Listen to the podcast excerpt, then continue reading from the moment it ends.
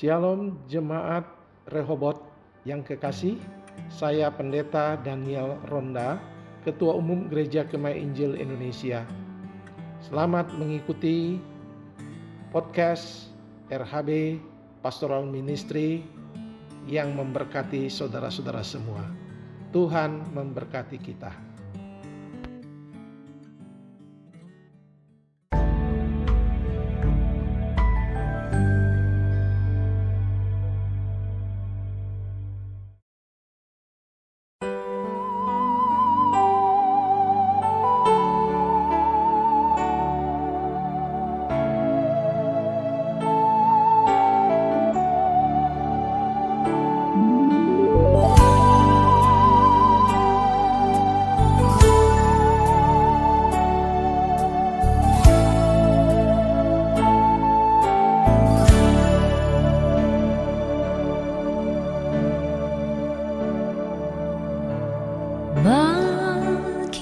Yesus ku serahkan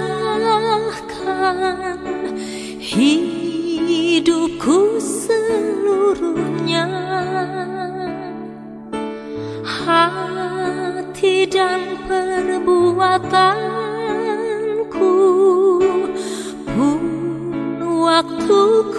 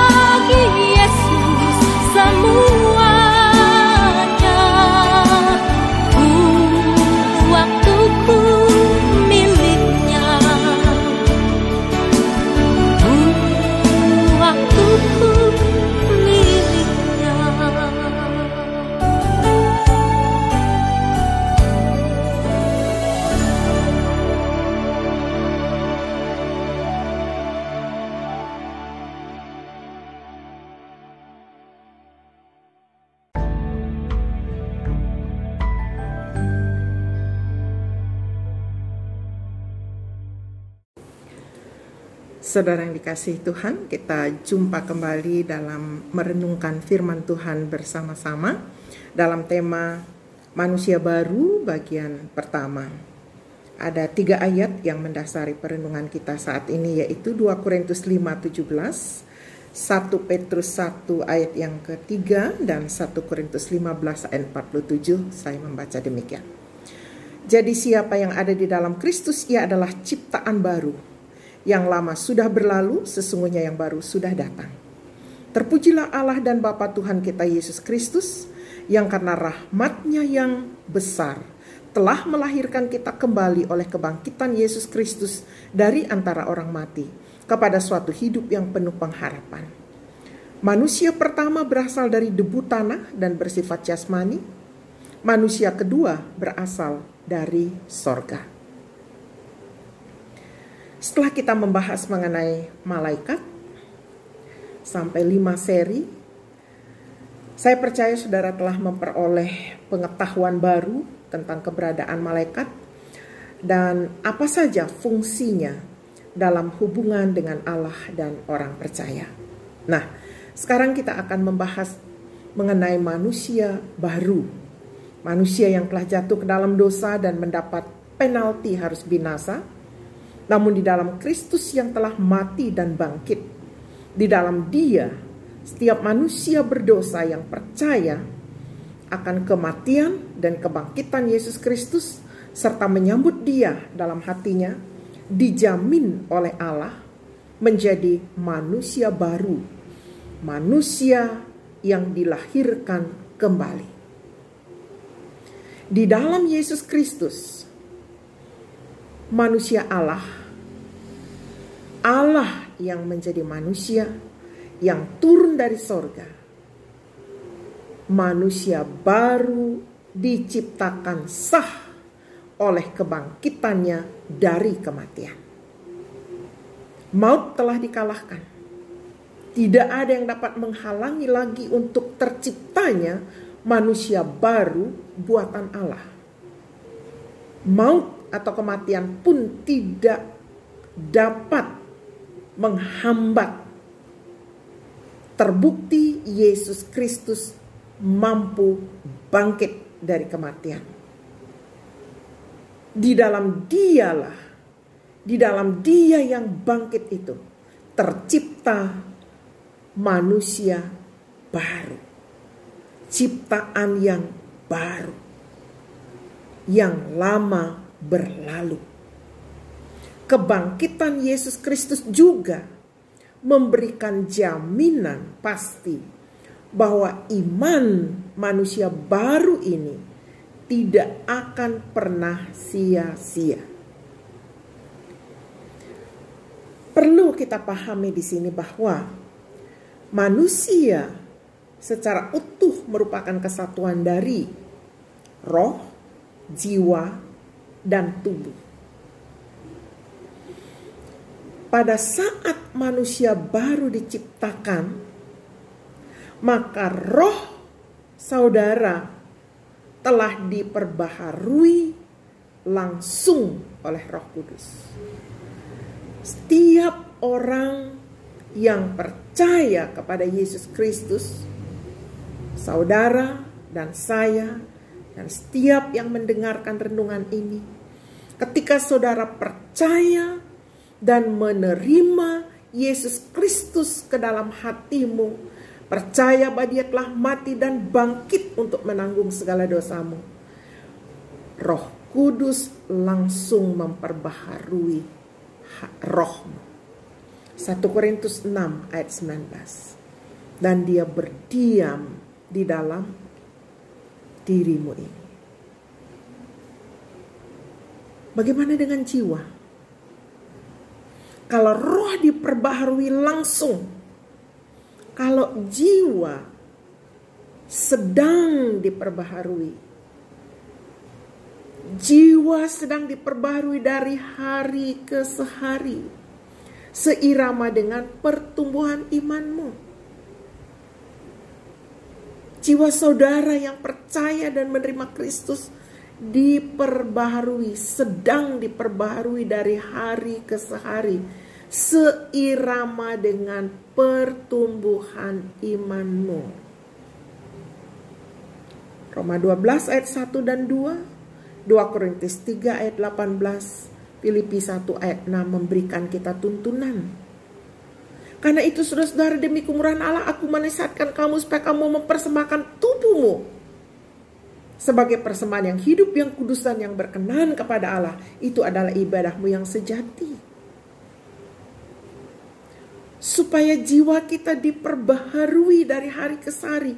Persembahkan tubuh itu menjadi korban yang hidup dan kudus. Apalagi yang harus dibuat? Jangan menjadi serupa dengan dunia ini, tapi berubahlah oleh pembaruan budimu. Akal budi kita, pikiran kita harus diperbaharui oleh firman Allah setiap saat sehingga kamu dapat membedakan manakah kehendak Allah yang baik, yang berkenan kepada Allah, dan yang sempurna. Korintus mengatakan dan kita semua mencerminkan kemuliaan Tuhan dengan muka yang tidak berselubung. Dan karena kemuliaan itu datangnya dari Tuhan yang adalah roh. Roh itu berdiam di dalam roh kita maka kita diubah menjadi serupa dengan gambarnya dalam kemuliaan yang semakin besar. Supaya terpujilah kasih karunia-Nya yang mulia yang dikaruniakannya kepada kita di dalam Dia yang dikasihinya. Inilah proses terciptanya manusia baru. Bagaimana dengan tubuh? tubuh saudara yang percaya kepada Yesus Kristus akan diperbaharui pada waktu hari kebangkitan. Saudara kita yang meninggal di dalam Yesus, tubuhnya dikubur. Rohnya ke sorga tanpa tubuh. Kapan dia akan dapat tubuh baru? Nanti waktu Yesus Kristus datang.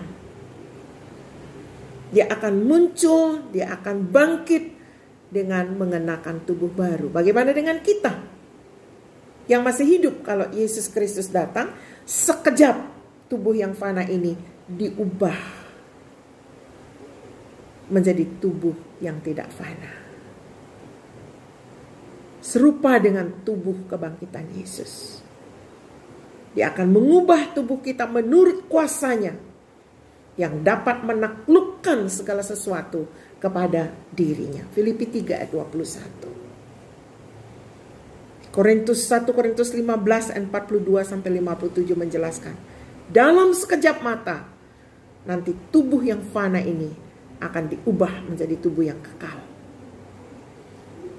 Mereka yang mati di dalam Kristus sekali lagi akan bangkit dan mengenakan tubuh baru saat dia datang. Selama hidup di bumi ini, Allah memberikan kita kemenangan atas dosa oleh Yesus Kristus Tuhan kita. Oleh kehadiran roh kudus di dalam tubuh kita ini. Diam di dalam roh kita. Dan Allah Bapa memberikan kita jawaban-jawaban doa senantiasa. Karena dia Allah yang penuh tanggung jawab. Tidak membiarkan manusia baru ciptaannya ini akan kalah. Jadi, sebagai manusia baru, ciptaan baru Allah, kita harus paham bahwa roh kita sudah dibaharui total. Jiwa kita sedang diperbaharui terus-menerus oleh asupan firman Allah ke dalam diri kita tubuh kita akan diperbaharui. Nanti setelah kita meninggal. Atau kalau kita masih hidup Yesus datang diperbaharui dalam sekejap.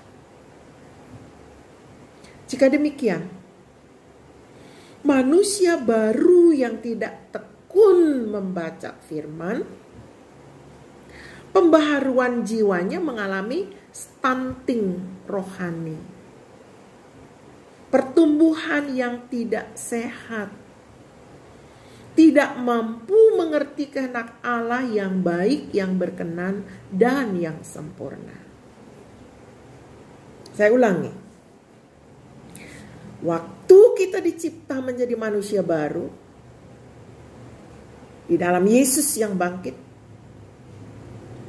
manusia merupakan kesatuan dari roh, jiwa, dan tubuh roh kita langsung baru.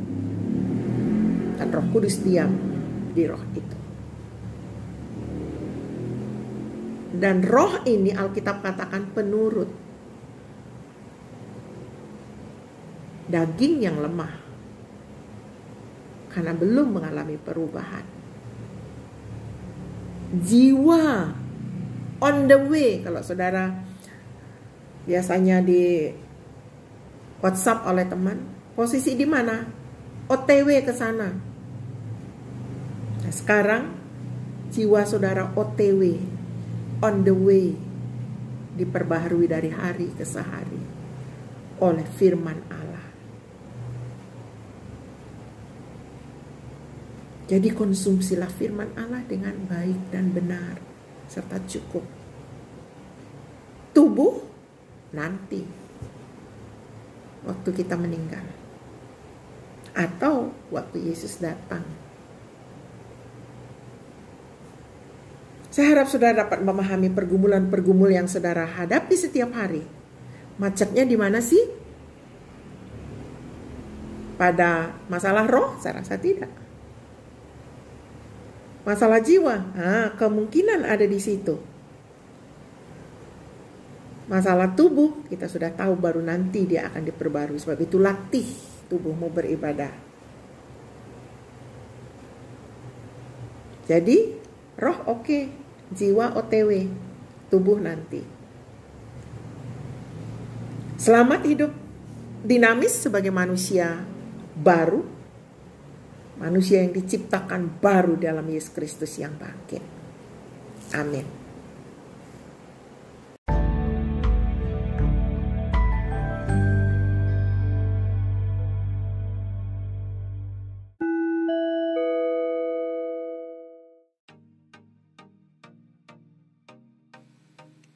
Shalom, saya Joni Rangga, Wakil Ketua BPJ Jemaat GKI Rehobot Jayapura. Terima kasih telah mendengarkan RAB Pastoral Misteri Podcast. Tuhan Yesus memberkati.